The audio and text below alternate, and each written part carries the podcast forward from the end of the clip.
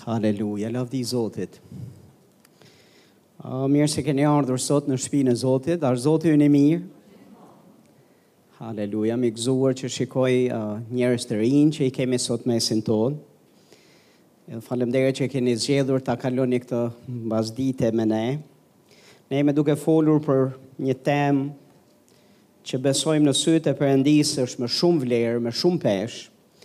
E ndoshta kjo nuk është ekzaktësisht çfarë ti ke nevojë të dëgjosh sot, por dua që të të them se në shpinë e Zotit Perëndia ka përgjigjet për të gjitha nevojat dhe gjërat që ne kalojmë në jetë.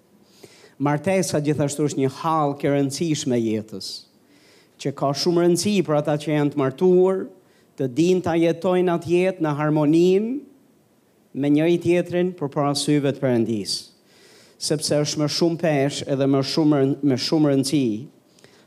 Ti mund të ndërtosh dhe nga eksperienca dhe nga vetë shkrimi e fjalës së Zotit, ne mund të ndërtojmë, mund të marrim gjëra të jashtëzakonshme të mira nga prania e Zotit, nga jeta jonë me Perëndinë, por në qoftë se martesa jonë çalon, Në qoftë se themelet e martesës tonë janë të të dëmtuara, atëherë çdo gjë që do marrësh është ka një një është si një shportë e shpuar që çdo gjë të mirë të cilën ti ty ta jep Perëndia do të kalojë që atje, do të përcillet që atje. Dhe ne nuk duhet t'i lëmë vend ligut për asnjë arsye që të ketë hapësirë dhe të ketë të çara në jetët tona, po duhet të mbyllim çdo lloj hapësire. Dikush thotë amen. Atë i çmuar në emër të Jezusit, unë të falenderoj ty për këtë kohë, të falenderoj për fjalën, të falenderoj për frymën tënde të çmuar e të shenjtë që është këtu sot. Fryma jote është mësuesi ynë. Fryma jote e shenjtë është ndihmësi ynë. Është restauruesi ynë. Është ai që na forcon, na ngre e na ndërton ne. Është ai që na forcon këmbët që të ecim e të vrapojmë Haleluja, pa u lodhur, e pa rënë, e pa u rrëzuar më. O në emër të Jezusit, unë të falenderoj ty, Zot, që ti do i marrësh këto fjalë, që do fliten sot, dhe ti do i kthesh në jetë për secilin që do të dëgjojë sot. Perëndia im, shkronja vret, por fryma jep jetë, është shkruar. Perëndia im, haleluja, njohuria krekos, Dashuria ndërton. Dhe unë të falenderoj ty që kjo fjalë e ky mesazh që do flitet sot do jetë nën kontrollin e frymës e do të jetë Perëndi i veshur plot me dashurinë që jep jetë e ndërton sot për gjithsecilin prej nesh që dëgjon, në emrin e Jezusit, gjithë themi Amen. Lavdi Zotit. Haleluja, shumë e rëndësishme njerëz të Zotit kjo temë. Herës së kaluar ne folëm për rëndësinë e martesës dhe folëm cili është qëllimi, sepse Perëndia e krijoi martesën, nuk ishte ideja e njeriut, nuk ishte ideja e errësirës, ishte ideja e Perëndisë. Haleluja! Dhe ai pati idenë që të përmbushte një qëllim të caktuar përmes martesës. Dhe sigurisht që një prej qëllimeve të tij është që burri dhe gruaja të gjejnë përmbushje tek njëri tjetri, sepse Perëndia ka krijuar burrin që të ketë nevojë për disa gjëra të cilat nuk gjenden askund, nuk gjenden askund dhe tek asnjë qenie tjetër përveçse tek gruaja vetë. dhe gjithashtu ka krijuar gruan me disa nevoja dhe dis, ka disa mangësi në, në vetveten e saj të cilat nuk do t'i përmbushen dhe s'mund t'i gjejë përveçse te burri vetë. Po kur këto dy hyjnë në martesë, martesa është institucioni i Perëndisë që burri dhe gruaja të gjejnë përmbushje. Tani, ne do mësojmë se ka gjëra të cilat burri dhe gruaja nuk ia japin dot njëri tjetrit. vijnë vetëm nga Perëndia. Dhe për këtë dua të hedh themele të mira sot, sepse në qoftë se ne presim ato gjëra çfarë s'duhet të presim, pastor atëherë do zhgënjehemi fort në martesë, sepse do përpiqemi të kërkojme të marrim nga njeriu atë që njeriu nuk e ka dhe s'mund ta ketë. A jeni këtu? Por në fund, pastor, martesa është për të përmbushur, për të përmbushur qëllimin dhe planin e Perëndisë. Dhe sigurisht që pjesë është përmbushja e burrit dhe gruas me njëri tjetrin, qoftë edhe të nevojave të veta fiz, fiz, fizike e materiale. Por nuk janë këto, kjo është e fundit, për nga rëndësia. Ka disa gjëra të tjera të cilat ne kemi përmendur bashkë nga fjala e Zotit dhe nëse nuk e keni dëgjuar këtë mesazh, ju lutem merreni, e keni online, dëgjojeni, edhe sepse jam i sigurt që do t'ju bekojë. Momentin që ne humbim qëllimin pse jemi në martesë dhe mendojmë se jemi vetëm për njëri tjetrin, atëherë mund të harrojmë se jemi përgjegjës përpara Perëndisë, i cili i cili e ka bërë këtë institucion dhe uh, mënyra si sillemi, mënyra se si veprojmë në martesë, çfarë sa të përgjegjshëm a të papërgjegjshëm ne jemi në martesë, kjo nuk është vetëm përgjegjësi që ne kemi mes njëri-tjetrit burrë dhe grua. Por kjo është përgjegjësi që ne kemi përpara Perëndisë, i cili na ka sjellë në martesë. A jeni këtu apo jo? Është përgjegjësi për përmbushjen, a jemi ne duke përmbushur qëllimin e Perëndisë për martesën tonë? Dhe pastor, ë uh, shkrimi i shenjtë na tregon qartë se çfarë gjërash duhet të jemi duke bërë përmes martesës tonë. Sot dua që të flas për disa gjëra të cilat besoj do të jenë ë uh, bekim shumë e rëndësishme që martesa të shihet si besëlidhje, sepse është në fakt besëlidhje. Nuk është kontratë interesi. Sot në këtë botë duket se çdo gjë shkon drejt këtyre marrëveshjeve dhe kontratave Ë, të bazuara tërësisht në interes. Ç'a ke ti për të më dhënë, ç'a kam unë për të dhënë. Kjo është gjëja që unë ofroj, kjo është gjëja që ti ofron dhe është thjesht një kontratë të cilën ë lehtësisht e mendojnë si të thyeshme, lehtësisht e mendojnë si të grisshme, lehtësisht e mendojnë se mund në një moment të caktuar, në qoftë se kjo kontratë nuk respektohet, ne mund të shohim një rrugë dalje Por martesa pastor është nga ato marrëdhënie që nuk është kontratë e bazuar në interes, por është besëlidhje. Koncepti i besëlidhjes për brezin në cilin ne jemi duke jetuar, është duke, duke ka humbur thuajse. Po duhet rikthyer përsëri, sepse Perëndia ynë është Perëndi besëlidhje. Dhe në fakt, kur Ai çdo gjë që ka bërë mes Tij dhe njeriut e ka kaluar që në Testamentin e Vjetër e deri tek Jezusi që vdiq në drurin e kryqit dhe pagoi me gjakun e vet, e ka përcjellë përmes besëlidhjes. Ka vendosur dhe caktuar besëlidhje që nga Testamenti i Vjetër e deri që nga fillimi, që në krijim e deri në fund, sepse është Perëndi besëlidhje. Dhe kur krijoi martesën, nuk e krijoi ndry, me koncepte ndryshe, po me të njëjtat koncepte, koncepte besëlidhje. Pastoraj, a jeni duke dëgjuar? Besëlidhje. Tani çfarë ka Ndryshe, pastor, besëlidhja nga një kontratë interesi. Shumë e rëndësishme këto fjalë dhe terma të cilat do të përmendi tani. Me thënë janë disa gjëra të cilat janë me rëndësi për t'i ditur. Pastor një pikë së pari ka themel besën, që do të thotë ka themel besnikërinë. Dhe nuk e ka besën dhe besnikërinë deri kur të mos përshtatemi më dhe të mos na përputhen karakteret më, por është besë dhe është besnikëri deri në vdekje. Ky është një koncept besëlidhje të cilën njerëzit nuk e kuptojnë.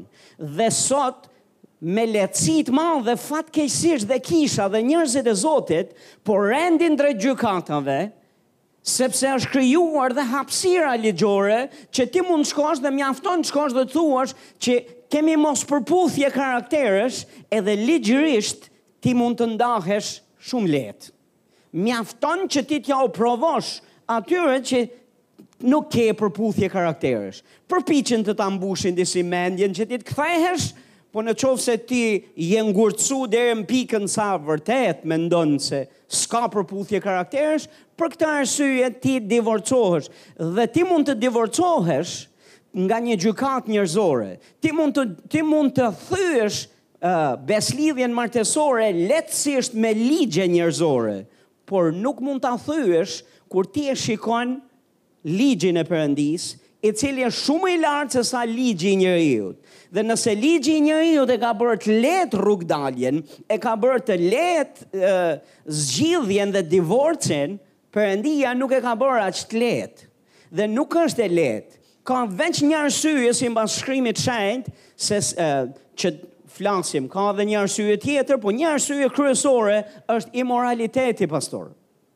Në qoftë se kryhet, thyhet besa, thyhet besnikëria, kur njëri partner gjen dhe kërkon jashtë martese atë që vetëm martesa duhet ta japë. A jeni duke dëgju për këtë, fjala e Zotit flet. Uh, njeriu mund të ndahet për ngurtësinë e zemrës, po jo për shkak se, se Perëndia ka dhënë bekimin e vet. Dhe është shumë e rëndësishme, numër një një herë është besa. Besa, bes, besnikëria. Numër dy, janë fjalë që i përshtat, i përshtaten uh, beslidhjeve dhe beslidhjes. është sakrifica. Numër tre, pastaj, është përkushtimi. A jeni duke dëgjuar? E numër katër është dhënia. Po t'i shihni të gjithë këto terma, Të gjithë këto terma, qoftë besa, qoftë përkushtimi, qoftë sakrifica, qoftë dhënia, secila nga këto nuk ka pik egoizmi në mes. Sepse asnjë nga këto terma nuk ka nuk është e bazuar dhe inspiruar nga egoizmi, por është e inspiruar nga dashuria dhe është e inspiruar nga vetë Perëndia. Kur dikush vjen për t'u martuar përpara altarit, Zotit dhe përpara njeriut. Është duke ardhur dhe është duke ardhur si beqar dhe vjen me vullnetin e tij të lirë, i frymëzuar nga dashuria që ka për partnerin dhe vjen me këtë me këtë lloj përkushtimi dhe dedikimi, që unë sot E lë jetën time, e sakrifikoj jetën time, e përkushtoj veten time, e jap veten time për partnerin tjetër për shkak se e dua. Dhe këto janë terma, pastaj, terma beslidhjeje. Beslidhja, po të shohësh, nuk thyhet pa pasoja. Beslidhja supozohet të shkojë deri në vdekje. Dhe në qoftë se ju e shihni në shkrime, Bibla na flet shumë seriozisht për beslidhjen që Ai bëri me njeriun dhe kurdo që thyhej beslidhja, gjithmonë kishte pasoja me jetën. A jeni këtu apo jo? Martesa duhet parë seriozisht ashtu siç Perëndia e shikon seriozisht. Në qoftë se nuk dikush nuk është i gatshëm që të sakrifikojë nga vetja vet, të përkushtohet, Të jetë njeri i besës, besnik dhe ta ndajë veten për partnerin. Nëse dikush nuk është i gatshëm për të dhënë gjithçka që ka, gjithë forcën e vet, çdo gjë që ka, çdo gjë që i përket, për t'ia dhënë vetë partnerit tjetër, pastaj, ai individ nuk është gati për martesë. Sepse fillimisht nuk kupton se çfarë është martesa. A jeni këtu? Gjithashtu, pastaj, Martesat nëse do të jenë të suksesshme apo jo, edhe nëse janë duke vuajtur, pastor, këto janë themelet ku duhet kthehen dy partnerët dhe duhet shkojnë t'i rivizitojnë dhe t'i shohin, duhet rivizitojnë këto gjëra për cilat jam duke fol, duhet rivizitojnë pse jemi në martesë. Në martesë jemi për Perëndinë. Jemi për të përmbushur qëllimin e tij pikësëpari. Dhe jemi përgjegjës përpara tij. Së dyti, jemi për të përmbushur njëri-tjetrin dhe kemi hyrë në besëlidhje, që do të thotë unë kam zgjedhur që të sakrifikoj, unë nuk jam më, uni ka vdekur para altarit momentin që i them po partnerit tjetër. Arsyeja pse njerëzit shumë herë vuajnë dhe vuajnë në martesat e tyre është sepse po përpiqen që të jetojnë si të martuar, po me mendësi beqari. Nuk mund ta jetosh jetën e martesës si beqar në mendje.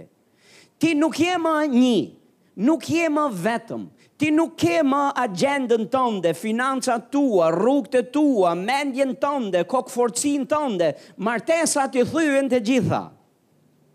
Në martesë ti duhet vish me mendësi komplet tjetër. Ti duhet vish me mendësinë që unë Vdiqa momentin që i thashë po partneres time a partnerit tim. Kam vdekur, nuk jetoj më për veten time, jetoj për tjetrin.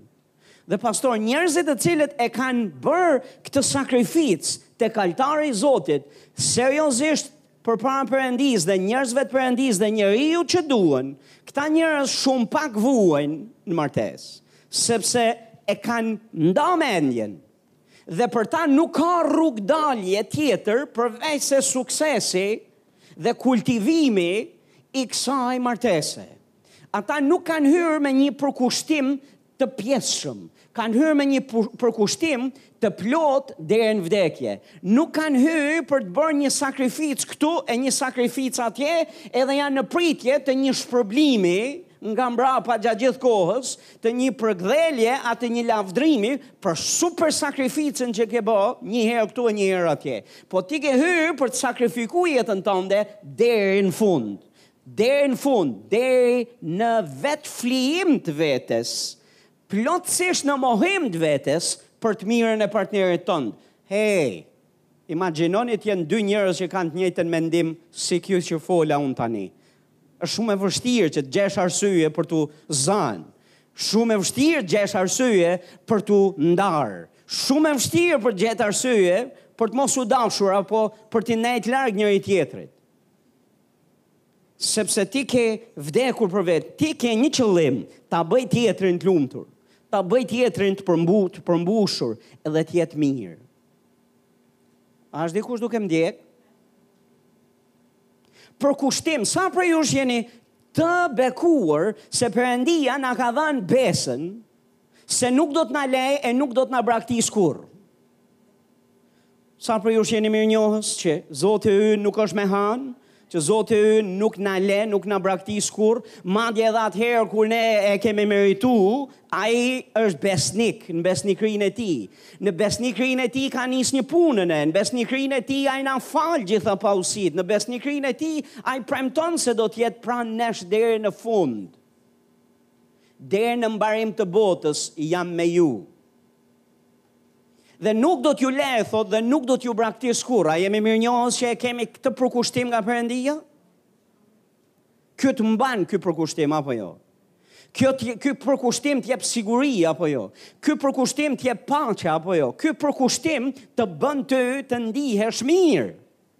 dhe të bën ty të dashurohesh me Perëndinë, sepse ti e di që edhe po çalove ti në besnikëri, ai është shkëmb, ai është i palëvizshëm dhe i pandryshueshëm në përkushtimin e vet dhe është përkushtuar me jetën. A jeni mirënjohës që ai sakrifikoi Jezusin? A jeni mirënjohës që ai e dha dhe nuk e kurseu birin e vet? Pastor, ky është, këto janë konceptet e besës dhe besëlidhjes. Perëndia, të gjitha këto i vuri në veprim ndaj nesh. Dhe në të njëjtën mënyrë, pastor, pret që ne të përkushtohemi, ne të sakrifikojmë, ne të duam dhe të jemi besnikë ndaj njëri-tjetrit në martesë. Tani të gjitha këto Janë karakteristika karakteri, pastor, të cilat duhen zhvilluar. Dhe ju që jeni beqarë, haleluja, shumë herë shikoj që në listën pyta dikë një herë dhe i thashë çfarë pret ti nga një partner, nga ajo çfarë nga bashkëshortja e ardhshme e jetës tënde. U mahnita nga lista. Ngela pa fjalë. Pastor tha, ajo çfarë unë dua që partnerja ime t'i ketë cilësi është që duhet të ketë patentën dhe duhet të dijë t'i japë makinës. Thashë, wow! S'e kisha dëgju nanjëherë këtë lloj karakteristike. Se, po i thashë, po pse e do këtë?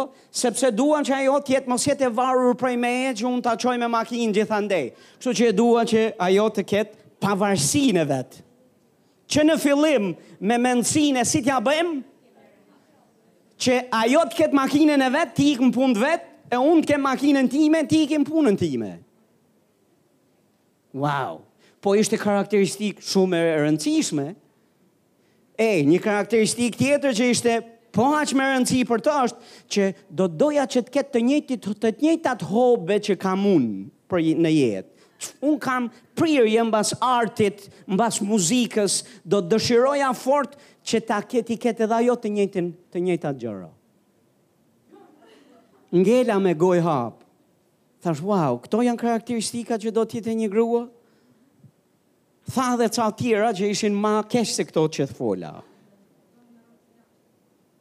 Pastor, Këto nuk janë karakteristika të cilat duhet t'i zhvillosh te vetja apo t'i kërkosh te tjerët.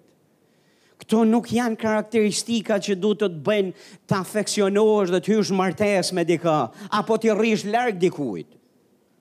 A jeni këtu apo jo? Kemi edhe ca tjera. E ka hundën kështu, e ka syrin ashtu. Mënyra se si ecën nuk më pëlqen.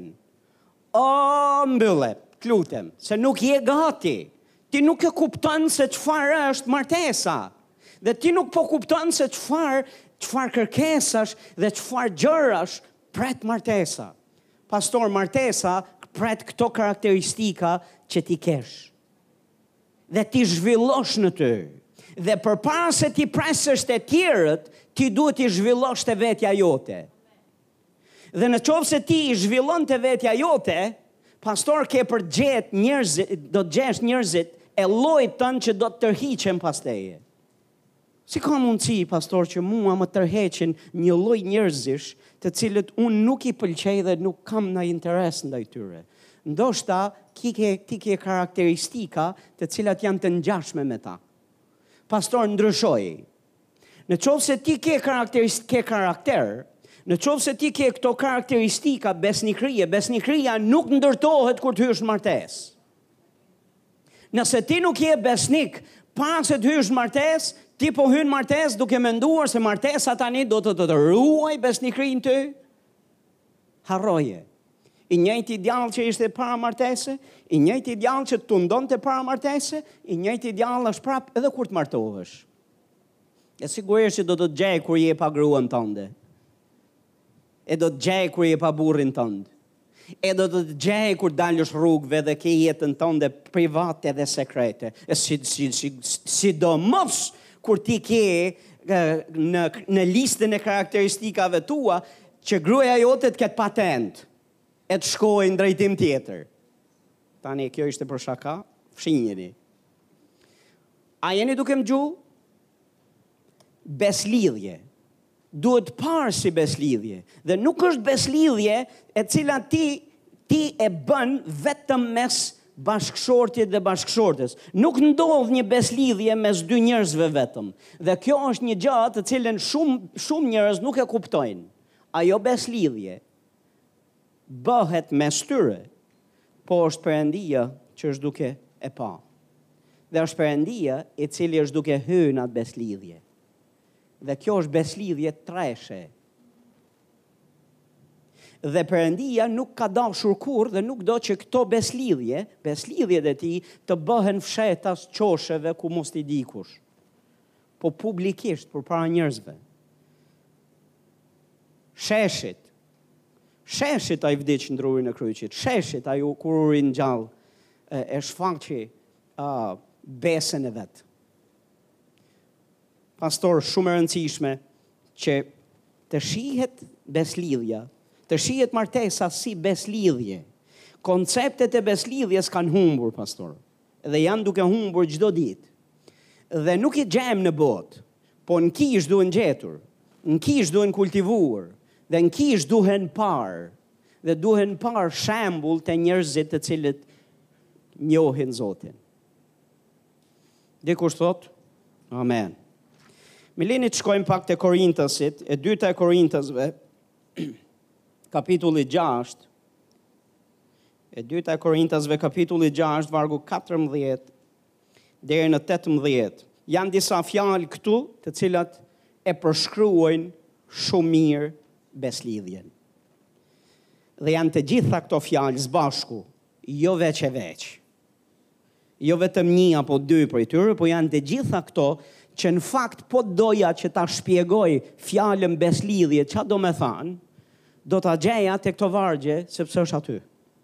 Shifni se çfarë thotë vargu katërmbëdhjetë, Mos hyni në një zgjedhë bashkë me të pabesët, sepse çfarë lidhje ka drejtësia me paligjësinë, çfarë afërie ka drita me terrin? Ç'harmoni ka Krishti me Belialin? Çfarë pjese ka besimtari, thotë me jobesimtarin? Vargu gjashtëmbëdhjetë, Dhe çfarë marrëveshje ka tempulli i Perëndisë me idhujt? Sepse ju jeni tempulli i Perëndisë gjallë, sikurse tha Perëndia, unë do të banoj në mes tyre dhe do të eci ndër ta, do të jem Perëndia i tyre dhe ata do të jenë populli im. Prandaj thotë dilni nga mesi i tyre dhe ndahuni prej tyre thotë Zoti dhe mos prekni asgjë të ndyrë dhe unë do t'ju pranoj. Do të jem si një atë për ju dhe ju do të jeni për mua si bijtë e bijat, thotë Zoti i Plotfuqishëm. Dikush thotë amen. Tani këto janë vargje të Testamentit të Ri.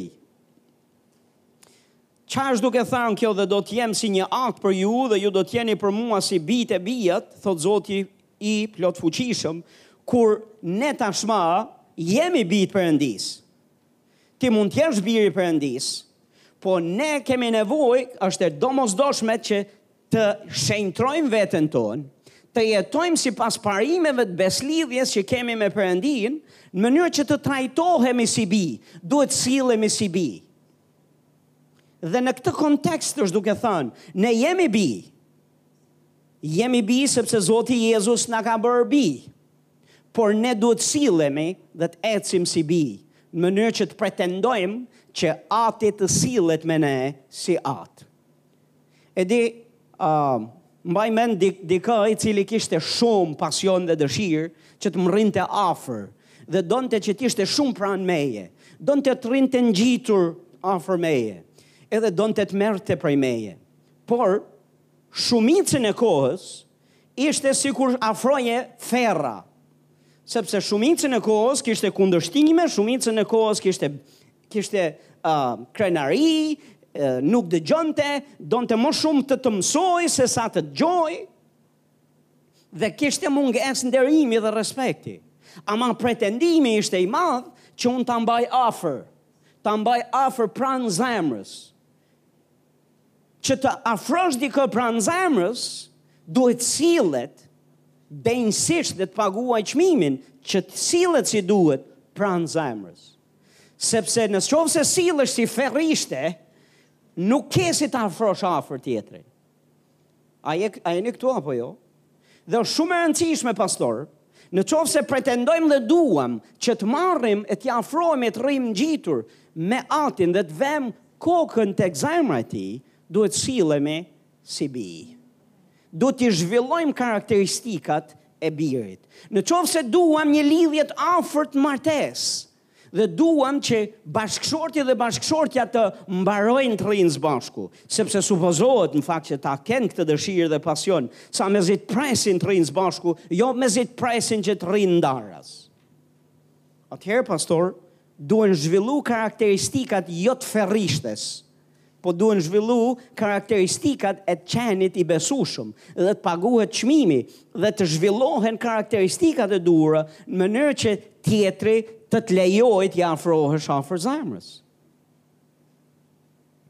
Është një gjë të jesh atë bir, në status, është një gjë që ti të paguash çmimin, është një gjë që ti të jesh në martesë, është një gjë dhe ke statusin i martuar, është një gjë të paguash çmimin. Është komplet gjë tjetër. Dhe unë them, duhet mësu të paguhet çmimi. Shifni, janë gjashtë fjalë të cilat për mua përshkruajnë besëlidhjen mrekullueshëm. Çdo besëlidhje, po dhe besëlidhjen martesore, zgjedhë Fjala e parë, çfarë thotë? Mos hyni në zgjedhë bashkë me të pabesët, që do të thotë me të pabesët s'mund të hysh në një zgjedhë, sepse i pabesi është i pabesë. A e shifni besë? nuk ka besë. S'mund të lidhësh besën me një njeri që nuk e ka besën në konceptin dhe karakterin e vet.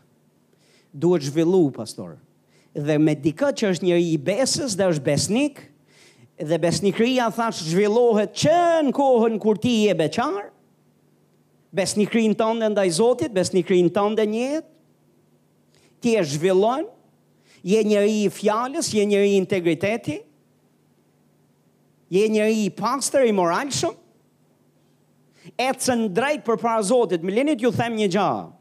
Në qoftë se ti nuk jeton i pastër dhe i shenjtë për Perëndinë, ti nuk ke për të jetuar i shenjtë dhe i pastër për shkak të martesës apo për shkak të gruas tënde. A për shkak të burrit tënd. Në qoftë se ti thashë nuk ke frikën e Zotit në zemër, sapo të jesh vetëm, Ti nuk mëkaton sepse nuk do t'i thysh Zotit zemrën dhe është pjesë e karakterit tënd që ti të mos bësh gjënë e gabuar.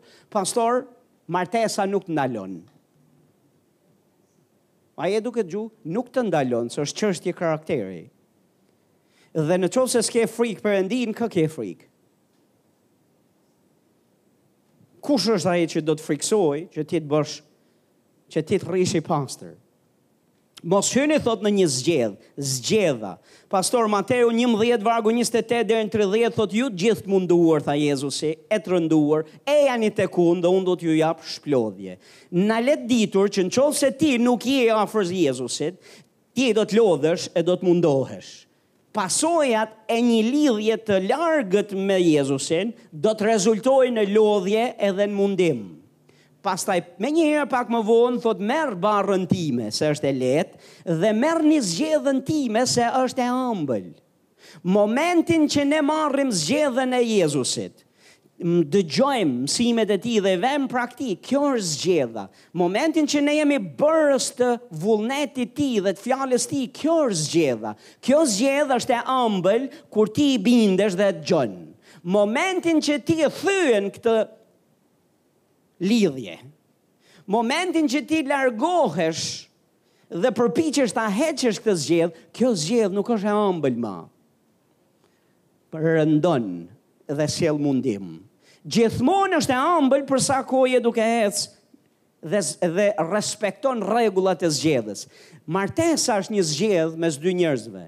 Dy njerëz është si dy kafshë në kohët e vjetra që punonin arat, i vihej një zgjedhë në qafë, dy qeve për të punuar arën së bashku, kur u vihej kjo këtu në qafë, a, të dy, E dinin, në qoftë se do të përpiqemi të ikim njëri këtej e njëri andej, e dinin që kjo gjoja këtu do t'ju jepte dhimbje. Nëse nuk e dinin se s'jau kishte mësu dikush, e dinin sepse do ju dhimbte qafa. Ishte vetë zgjedha e bërë në atë formë që zgjedha ishte në rregull, nuk do t'u dhimbte qafa fare për sa kohë të dy qetë, do të ecnin sbashku në harmoni dhe në të njëjtin drejtim. Momentin që njëra palë përpiqet të mos jetë dhe mos t'i përshtatet asaj zgjedhe, fillon i dhem qafa. Dhe i dhem qafa njërit, i dhem qafa tjetrit, në qoftë se fillon kjo beteja këtu. Pastor martesa është zgjedhë. Është zgjedhë e ambël. Për sa kohë respektohet ajo zgjedhë dhe rregullat e besëlidhjes. Besëlidhja, thashë, është zgjedhë. Ne jemi në besëlidhje me Perëndinë, po jemi në besëlidhje dhe me njëri-tjetrin. Dhe është shumë e rëndësi, pastor, që të mos përpiqemi të gjejmë arsye që na ndajnë, arsye që na bëjnë të luftojmë, arsye që na bëjnë që ne uh, të shtyjmë njëri-tjetrin. Duhet të gjejmë arsye që na bashkojnë, arsye që na bëjnë har në harmoni me njëri-tjetrin, na afrojnë e na bëjnë të punojmë së bashku, të përshtatemi. Vetë zgjedha, pastor, e ka ta kërkon këtë gja. Dhe momentin që ti hyn në martesë, ti ke hyrë në zgjedhë. O, sa po vuaj. Shumë janë duke vujt, janë duke vujt thashë për një arsye, sepse nuk kanë vdekur tek altari. Se kur kanë ardh tek altari, nuk kanë ardh me idenë që unë do të sakrifikohem, unë do të përkushtohem, unë do të jap, unë do të jem njeri i besës, pavarësisht pala tjetër. Unë nuk kam vdekur dhe për sa kohë s'vdes, pastor do të të dhembi qafa. Do të të dhembi fort dhe martesa nuk do të jetë bekim për ty. Martesa do të jetë dhimbje për ty. Do të jetë mundim për ty. Po çfarë duhet bëjmë o pastor? Pastor duhet zgjedhësh t'i përshtatesh besëlidhjes dhe duhet të kuptosh që je në besëlidhje. je nën zgjedhë. Ok, fjala e dytë thotë ç'lidhje ka drejtësia me pa, me paudhësinë. Fjala lidhje është duke fol për lidhje. Në qoftë se e para thotë zgjedhë, këtu flet për lidhje. Edhe ky është term i besëlidhjes. Uh, po të shihni të dytën e mbretërve, Tetëmbëdhjetë vargu gjashtë, a mund të ma çosh nxjerrë dikush vargun gjashtë, të dytën e mbretërve. Na flitet për mbret, një mbret me emrin Hosea. Shih se çfarë Hosea, çfarë flitet për Hosean. E dyta e mbretërve 18 vargu gjashtë, A e gjete Mbreti, thotë më falni, mbeti i lidhur me Zotin. Nuk pushoi së ndjekuri gjurmët e tij dhe respektoi urdhërimet që Zoti i kishte dhanë Moisiut. Ky burrë i Zotit, mbret, mbeti, thotë, i lidhur me Zotin dhe nuk pushoi së ndjekuri gjurmët e tij. E sjell kjo në marrëdhënien martesore. Pastor kur lidhen njerëzit në altar, aty nis martesa. Një pjesë e njerëzve mendojnë se është martesa është ngjarje, nuk është ngjarje, është udhëtim. Ka ndodhur, ka ndodhur një ditë Dhe ka gzim të madh atë ditë kur i themi po njëri tjetrit dhe ka ohare gzim e valle e kërcime më the të thashë të gjithë uh, anën spektakulare të saj, po aty ka nis në fakt udhëtimi. Dhe aty për disa ndalon Përpjekja për të ndjekë gjurmët e njëri-tjetrit, për t'u lidhur me njëri-tjetrin, pushon ë pushon ë përpjekja për t'u lidhur dhe mbetur të lidhur ngushtë me njëri-tjetrin. Në martesë, pastor, nuk duhet t'pushu kjo përpjekje kurrë. Që ditën kur martohesh, e deri kur të mbyllësh sytë, ti duhet të mbetesh i lidhur me bashkëshorten tënde dhe ti nuk duhet të pushosh së ndjekuri, nuk duhet të pushosh së përpjekuri, së bëri gjithçka që është në forcat dhe dorën tënde që ti të mbetesh i lidhur me njëri-tjetrin. A jeni këtu apo jo? Okej, ne shohim Martesat të cilat zbehen dhe ftohen dhe njerëzit nuk duan e shohin njëri tjetrin si të huaj mbas ca kohësh. Dhe në qoftë se shkon mbrapsht në kohë, ti do të shohësh që beqarët që kohë më përpara bënin çmos për t'i shkuar partneres mbrapa për ta bërë për vete që t'i thotë po, Dhe mërziten, një pjesë e besimtarëve mërziten kur i thotë ndonjë partner jo, mm, dhe nuk nuk flasin nja dy muaj. A më shumë disave ju zgjat hala më shumë se nuk u pëlqen refuzimi. Mirëpo, mbasi ju thon po, në mënyrë të veçantë të bekuarat, thon po, nga ajo ditë e mbrapa E marrin të mirëqenë dashurinë, e marrin të mirëqenë uh, harmoninë, e marrin të mirëqenë të gjithë, domethënë, dashurinë aty. Uh, po nuk duhet të jetë ashtu. Ti nuk duhet pushosh së bëri përpjekje dhe për të dhanë dashuri momentin që hyn në martesë. Ti aty nis udhëtimin, aty ke nis punën. Aty ka nis kultivimi për ty dhe për mua. Aty ne duhet bëhemi aktiv, jo të bëhemi inaktiv. Dhe shumë bëhen inaktiv sepse bëhen familjarë me njëri tjetrin, bëhen pasiv sepse familjarizohen aq shumë me njëri tjetrin dhe marrin të mirëqenë se hamos edhe ajo e di se unë e dua.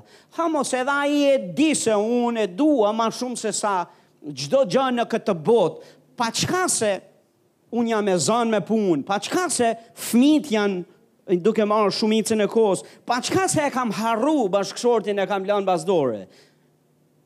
E kështu anasjelltas po të shkoj e të flas për burrin, i cili një herë një kohë sillte lule, tani nuk sjell më lule. I duket harxhim lulet. I duket lodhje dhe mundim të bëjë ato hapa që i ka pas bërë më përpara. Po çfarë tha Jezusi kur kur ça i tha kishës? Kishës i tha, "Ty dashuria e parë. Ti e ke lënë dashurinë e parë." Dhe i tha, "Ktheu dhe bëj gjërat që ke pas bërë më përpara." A e mban mend se çka ke pas bërë përpara? Pastor, e mban mend çka ke pas bërë përpara? Bëj, pastor. Po ka shumë rëndësi, pastor, lidhja. Fjala tjetër që ne shohim këtu, çfarë është fjala tjetër, termi tjetër.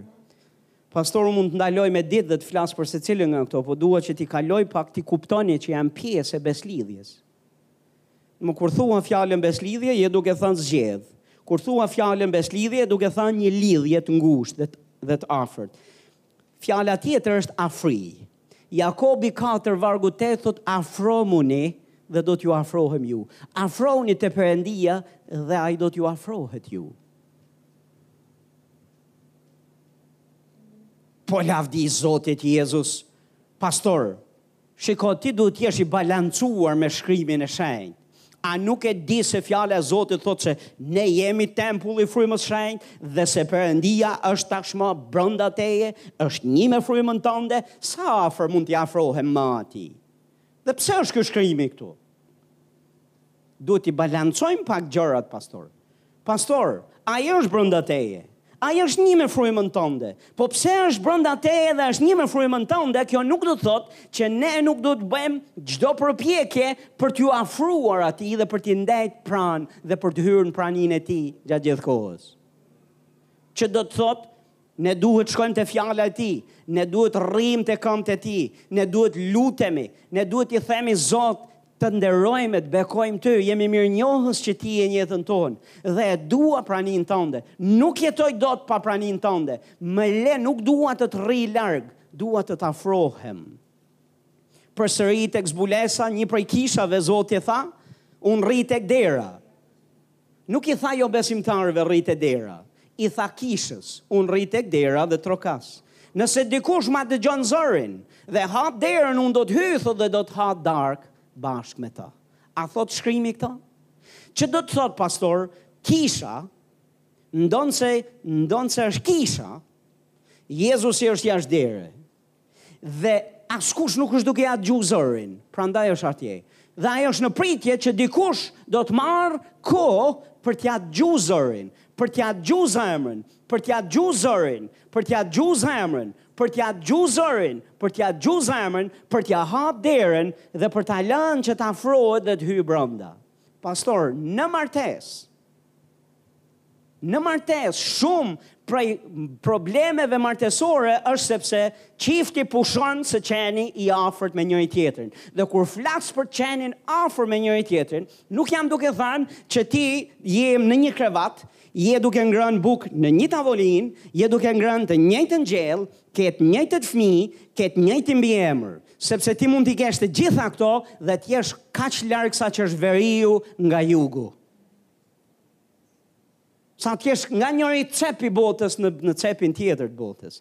Dhe besëlidhja kërkon një afri zemre, një afri reale, jo thjesht koncepte, po do realitetin, që në realitet çifti t'jetë afër.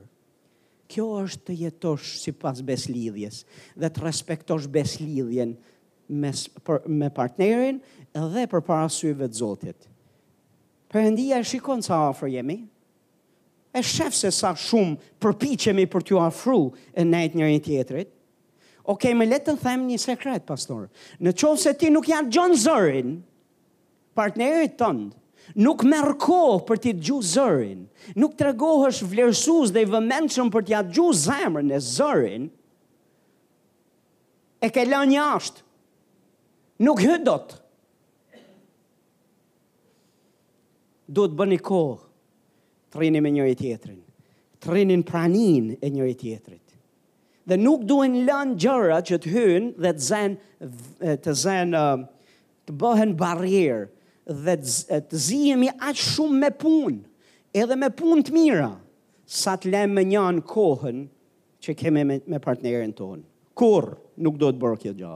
Ne duhet të jemi afër pranë njëri tjetrit, me të njëjtin pasion që duhet të kërkojmë praninë e Zotit, me të njëjtin pasion ne duhet të respektojmë lidhjen martesore, afëri me njëri tjetrin. Dy njerëz mund të jenë në një shtëpi, flenë në një krevat, hanë të njëjtën bukë, kanë të njëjtin mbiemër, kanë të njëjtët fëmijë, Po të jenë aq larg thashë njëri tjetrit dhe të jetojnë si divorcuar. Ka plot njerëz të cilët janë duke praktiku divorcin brenda një çatie. Dhe është çështje kohe. Ne nuk jemi thirrë që të praktikojmë divorcin. Ne jemi thirrur që të jetojmë martesën. A jeni këtu? Fjala, ka, uh, fjala tjetër thotë, çfarë harmonie ka Krishti me, me Belialin? Pikë harmonie s'ka. E di, ka plot njerëz të cilët thonë, po, ku thotë Bibla, ku flet Bibla që ne nuk duhet të martohemi me një jobesimtar? Qartësisht, ma qartë sesa kaq s'ka ku shkon.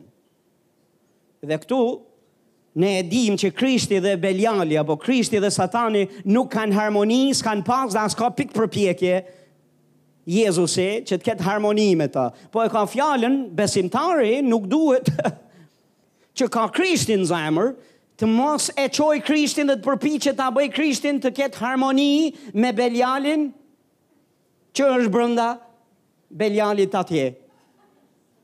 Po Beliali ka sy të bukur, po Beliali është dy metër djalë, po veçse është pak Belial.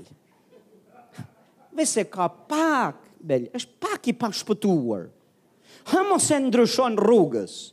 Pastor, Shkrimi na e thotë qartë, Që nuk ka harmoni, mos e mos tento ta çosh Krishtin në harmoni atje, se nuk funksionon. S'ka për të funksionuar kurrë.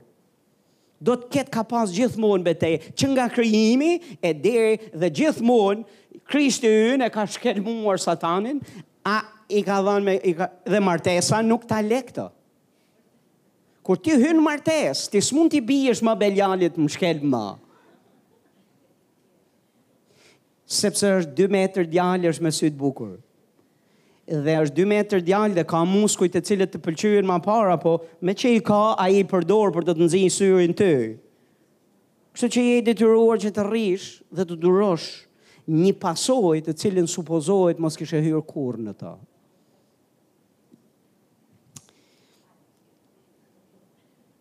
Harmoni. Tani çfarë është? Ky është term muzikor, pastor. Fjala harmoni. Është dy instrumenta, a më shumë instrumenta, kur bien së bashku, mund të janë të ndryshëm. Mund të jenë të ndryshëm. Nuk kanë pse të jenë patjetër njësoj, të ndryshëm, po kur secili luan rolin e vet dhe luan bukur dhe përshtatet, zgjedh me u përshtat me Instrumentin tjetër lëshon tinguj të bukur dhe sinkronizohen me njëri-tjetrin dhe lëshojnë një tingull të bukur. Martesa supozohet që të lëshojë tingull të bukur para fëmijëve edhe para njerëzve dhe përpara botës. Supozohet që të shpalosë imazhin e Perëndisë. Ti s'ke pse je burrë, ti s'ke pse je grua, në qoftë se nuk je. A je këtu? A, në qoftë se je grua, ti s'ke nevojë që të përpiqesh të bëhesh burrë.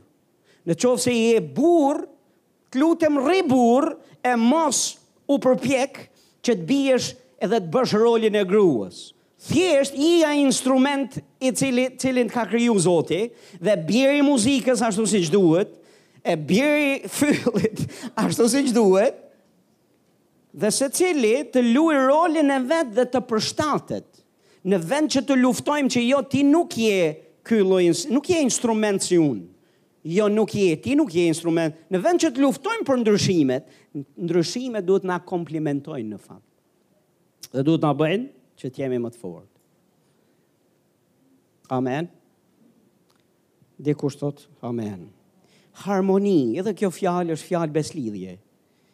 Po tjetër çfarë thotë, uh, ose ç'pjesë ka besimtari me jo besimtarin. Kjo fjala pjesë është duke fol uh, është duke folë edhe në sensin e ndarjes, e gjërave të cilat ti ke dhe që ti i len në dispozicionin e tjetrit dhe gjëra që ka tjetri t'i len në dispozicionin tënd.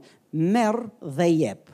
Është aplikacion në celular që thot merr dhe jep. A e keni pa nonji? Merr dhe jep. Ky aplikacion hyn fuqi menjëherë kur ti hyn besëlidhje.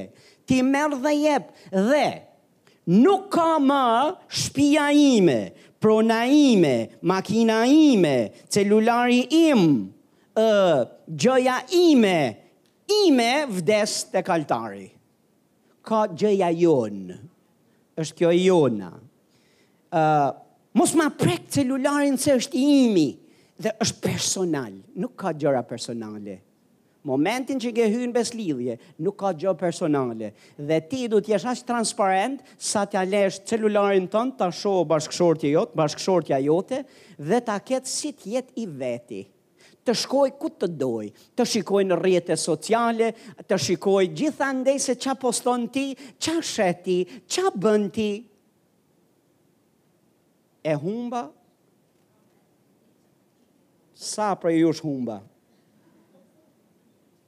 Është gjëja ime. Është prona ime. Ne jemi të martuar, po un kam rrogën time. Ti ke rrogën tënde, un kam rrogën time. Un bëj ç'dua me lekët e mia, ti bën ç'do me nuk ka më gjëja ime. Sipas koncepteve të Biblës, çfarë është e Zotit, Ah, sikur të kish thënë edhe për ty, është e imja dhe është për mua. Si mendoni? Nuk e tha kështu, po tha, na bëri trashëgimtarë të gjithçkaje që ka. Dhe bashkëtrashëgimtarë me Krishtin, që do të thotë çfarë ka Krishti është e jotja, çfarë ka Perëndia është e jotja. Dhe po të shihni në Bibël, ai pret të gjithin, gjithë jetën tonë. Dhe nuk ndo nuk do nëntëdhjetë e nëntë për qind tënden dhe një për qind t'ia japë botës dhe është në rregull ai do njëqind për qindshin tonë kush e do jetën e vet do ta humbasë kush e humbet për mua tha do ta gjejë dikush thotë amen dhe martesa nuk duron absolutisht uh, interesa egoiste në mes Gjithçka që ka njëri është për tjetrin. Bibla thotë që trupi yt s'të takon ty. Trupi yt i takon partnerit tënd. Humba ndonjë prej jush? A humba ndonjë apo jo? Më trupi yt, thotë shkrimi, ne lexuam dhe do ta lexojmë prapë se kemi rrugë për të bërë në këtë drejtim. Trupat tanë s'i përka, ne s'i përkasim vetes. Trupët, trupi yt nuk i përket më Nuk të përket ty, i përket partnerit tënd. Dhe ti do ta vesh në dispozicionin e tjetrit. Tani kjo pjesa këtu burrave zakonisht ju pëlqen më shumë. Se për burrat kur vjen puna për tërheqje fizike ndaj partneres, për ta është dyshez. Domethënë, mjafton vetëm t'i ngrej, të ngrej duart, ka rrëshqit, është gati. Kurse për gruan, është me u ngjit në malore, me shku me hyp dhe atje lart. Tash, kjo ishte thjesht për ata cilët janë duke studiuar që të hyjnë në martesë. Nëse s'keni kuptim, kërkojnë lutuni që të merrni zbulesë për ça fola. E nganjëherë, partneri, burri, e pretendon që sapo sapo të ngrejë duart dhe këmbët që të rrëshqasë edhe partnerja është gati. Dhe kur partnerja nuk është gati se s'ka bë burri absolutisht as përpjekjen më të vogël për me ngjit në majë, ngaqë nuk e ka bërë gjithë këtë përpjekje rrugës, shkon tek shkrimi i shenjtë. Dhe i thotë partneres që dëgjo, a nuk thotë shkrimi i shenjtë që ti s'du ta s'du t'ia privojmë njëri-tjetrit? Po pse shkrimi i shenjtë thoka vetëm këto dhe nuk thoka gjëra të tjera? Shkri, i njëjti shkrim flet për këtë, i njëjti shkrim flet edhe për këtë që po thoja që që ti të japësh, të përmbushësh emocionalisht bashkëshorten tënde, në mënyrë që kjo gjëja këtu të jetë bekim i dyanshëm. E, nuk duhet përdorur shkrimi i shenjtë për të përmbush egoizmat tona personale dhe të shtrembërojmë atë që është kaq e pastër në mënyrë që të na përshtatet ne, të marrim ne atë çfarë kemi për interes. Jo, sepse shkrimi i shenjtë nuk është për këto. Okej, gjëne, gjëne Fjala tjetër është marrëveshje. Çfarë marrëveshje ka? Kush ishte ky që Hmm, ta shohim se do të jetë naj shok i Bel i Belialit. Çfarë marrëveshje thot ka ka tempulli i Perëndisë me idhujt. Ka naj marrëveshje? Mund merren dot vesh? Pastor, Amosi 3:3 thot si mund ecin dy njerëz bashkë në qoftë se nuk janë marrë vesh së pari. Ok, a mund të ecin bashkë dy veta në rast se nuk janë marrë vesh më përpara? Fatkeqësisht shumë nuk nuk nuk janë marrë vesh absolutisht fare dhe as nuk e dinë se se ku janë duke hy kur flasin, kur mendojnë për martesën. A jeni këtu? Po duhet me kalu pak kohë me u marrë vesh. Me u marrë vesh për disa gjëra që janë me shumë peshë, me shumë rëndësi. Si do jetojmë? Ku do jetojmë? Sa fmi do të kemi? Kush do merret me financat? Si do i rrisim? Në ç'kishë do shkojmë? Do japim dhjetën dhe ofertat? Besojmë të njëra të njëjtat gjëra? Besojmë ne të njëjtat gjëra apo jo? Duhet me u marrë vesh njëherë më përpara. Jo të merremi vesh më përmbrapa, thot. Thot, a mund të ecin bashkë dy veta në rast se nuk janë marrë vesh më vonë? Jo, thot, më përpara. Dhe çfarë është habi e madhe pastaj kur hyn në martesë dhe thonë, "Oh, po për po kjo? Po kjo? Po kjo? Po kjo?" dhe ngaqë nuk janë marrë vesh më përpara, e kanë vështirë të ecin së bashku. Çfarë na sugjeron pastor në kushte të tilla? Në kushte të tilla sugjeroj pastor tani që ke hyrë, paguaj çmimin e hyrjes. Tani që ke hyrë, mëso të ecësh bashkë. Tani, më lër të të them një gjë të cilën s'do të të pëlqejë ta dëgjosh, po është e vërtetë. Në qoftë se do kishe mësuar më, do e kishe bërë më përpara, nuk do të kishte dhimbt kaq shumë sa do të të dhembi tani në përshtatje. Po meqë ti e ke lënë tani që ke hyrë në martesë, pastor do të të dhembi ca, po ia vlen dhimbja derisa të përshtatesh. Unë them më mirë përshtatu se sa të përpiqesh të gjesh rrugëdalje tjera. Si e si të mos eci bashkë, ose ose ose si mund të eci bashkë pastor, mos ta marrë vesh kërkush që ne nuk jemi bashkë. Ne nuk ecim bashkë. Ne nuk flem bashkë. Ne i kemi gjërat e ndara. Po si t'ia bëjmë që të sillemi pak fetarë, Të vim në kishë, të ngremë duar të shenjta përpara Zotit. Të vim dhe të hiqemi sikur jemi bashkë. Të hiqemi sikur ne ecim bashkë. E, amen, pastor, gjitha fjalëve që thua ti, kur vjen puna për marrëdhënien, e për, e kur vjen puna për përshtatjen, e afrin, e haleluja, po pastor, ke të drejtë, po si t'ia bëjmë mos ta marrë vesh kush?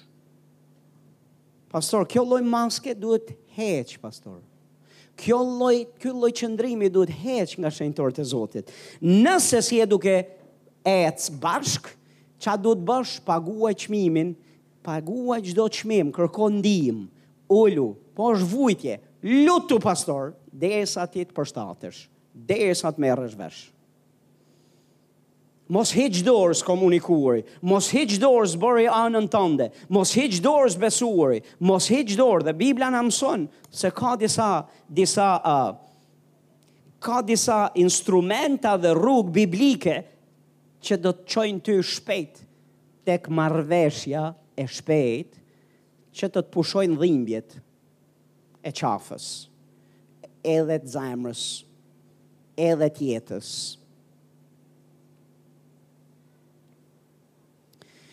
Pastor ma ka thy zemrën, ma ka bo copë partnerja ime, partneri, ma ka thy zemrën, jam dorzu, më ka ardhë ma, aty ku s'mban ma, Deri këtu ka kufi durimi im, pastor. Pastor, më le të të shpjegoj pastor një gjë. Unë them shtyji kufijtë dhe unë them mos u dorëzo e mos hiq dorë, sepse ti je duke menduar se kjo ky lloj qëndrimi dhe tani të gjesh rrugën e të qenit i akull dhe i ftohtë ke pushu. Dhe një pjesë hyn në bunkerin e izolimit dhe maskës vet dhe mendojnë se duke jetu në këtë lloj mënyre ë nuk do të ketë nuk do të ketë pasoja. Të paktën do i shtymë ditët, do e shtymë jetën kështu. Më le të të shpjegoj, është si minë me sahat kur bën këtë gjanë këtu. Dhe je duke ba rolin e strucit, ke fut kokën në rërë e je duke mendu se askush nuk të sheh. Pastor hiqe kokën nga rëra, Pastor, shkundi puplat në rregull krahët dhe futju punës në mënyrë që të merresh vesh. Në mënyrë që të ecni bashkë. Sepse je në besëlidhje. Besëlidhja ka të gjitha këto. Zgjedh lidhja, shoqëri, harmoni, pjesë, marrëveshje. A u bekuat, Thashë a u bekuat, a do më lini edhe nja tre orë? Nuk do më lini, a? Hajt po marr dy. As dy jo? Dy gjys? Më lini të shkojmë tek nja dy parime tjera të cilat dua t'i ndaj sot edhe ta mbyllim për sot. Në rregull, sa prej jush po bekohen njëherë? Ju të martumit që keni probleme mos ma ngreni dorën sa erdha. Ka nanjë që merr video e merr nanji foto që t'i shohë ma vonë.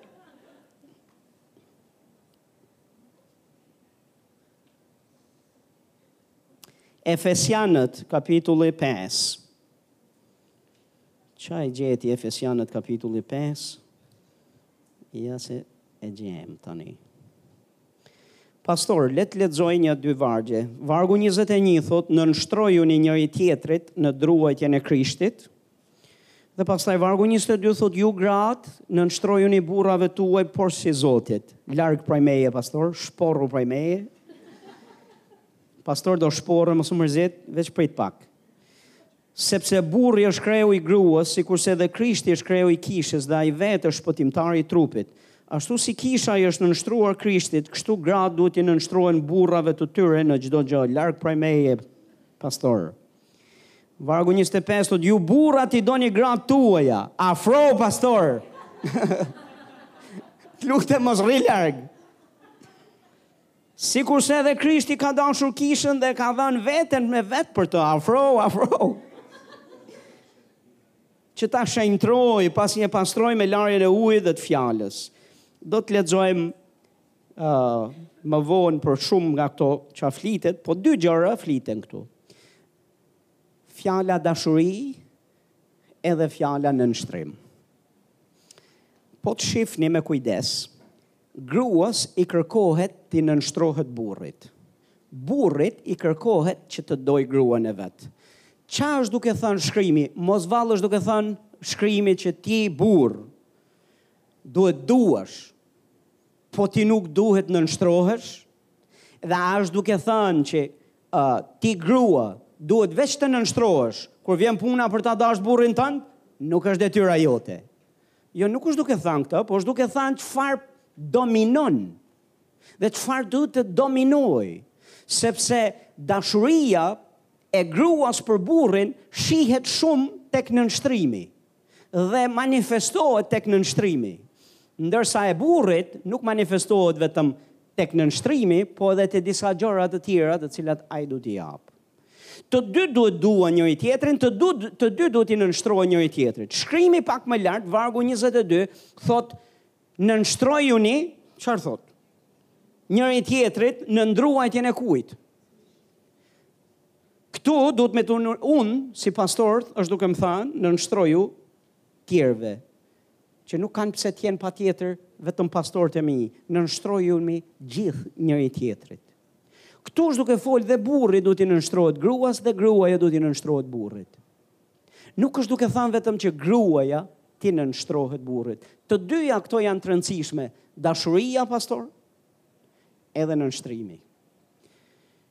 E shoh që do t'ju humbas, kështu që çfarë do bëjmë, është do e lëmë për ditën e mërkurë, Do e vazhdojmë pjesën e tretë dhe do flasim gjerë e gjatë për dashurinë e do flasim gjerë e gjatë për nënshtrimin, sepse të dy këto janë si ngjitës dhe shërim për një marrëdhënie martesore.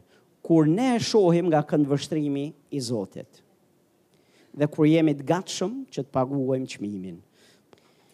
Dhe mbaj mend dikë që tha një herë, mua më duket tha pastor, Dhe e kam parë gjithmonë martesën si një mallkim që Zoti ia ka dhënë njeriut. Dhe pastaj ishte shumë e sinqertë, fjala ishte e sinqertë. Fatkeqësisht shembujt janë negativë dhe janë shumë negativë. Ajo çfarë shohin njerëzit, kjo është arsyeja pse ikin përditë nga martesa. dhe hyn nëpër martesa dhe divorcohen sikur hyn në supermarket dhe blen ushqime dhe del prej saj. Sepse ka humbur druajtja e krishtit, nuk e kanë druajtjen dhe nuk kanë as konceptin e martesës si beslidhje. Martesa është bekim. Perëndia e krijoi burrin dhe kur e krijoi thotë Adamin, tha nuk është mirë. S'është mirë. Ta lëmë vetëm. Se vetëm një njeri vetëm nuk është mirë. Dhe njeriu pa bashkëshorte dhe pa hyrë në martesë nuk është i plotësuar, nuk është mirë. Mbasi krijoi gruan dhe hy, i, i, i, i, i vuri të dy në lidhjen martesore dhe në besëlidhje, tha duket shumë mirë. Çdo gja e krijimit Zotit, që ai krijoi, Tha duket mirë. Kur krijoi burrin dhe gruan, tha duket shumë mirë. Sepse ishte shumë e mirë për sytë e tij. Haleluja. Martesa është bekim, pastor, kur respektohet dhe shihet si besëlidhje dhe në qoftë se Perëndia është në qendër të martesës.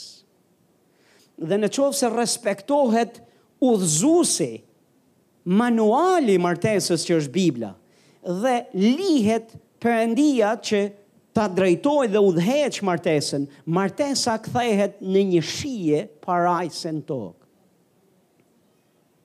Kur dy njerëzit e nënshtrojnë veten ndaj Zotit dhe paguajnë çmimin, pastor kthehet në një oaz freskie për jetën e njerëzve, për jetën e dikujt. Shpia kthehet si strehë pushimi.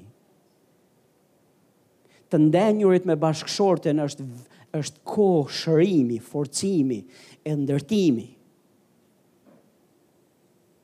Edhe kthehet në bekim se Perëndia e ka orkestruar të jetë në fakt për mirë. Një burrë që nuk vuan martesë, Është i mirë balancuar, është i shëndetshëm fizikisht, emocionalisht, mendrisht, është i qetë. Një burrë që vuan martesë është i frustruar mos i dil përpara. E njëjta gjë është për një grua. Martesa është bekim. kur është e balancuar dhe është në harmoni me Zotin, në harmoni me shkrimin. Dikush thotë amen. Dhe po ju them që Zoti e ka krijuar për të qenë bekim i madh.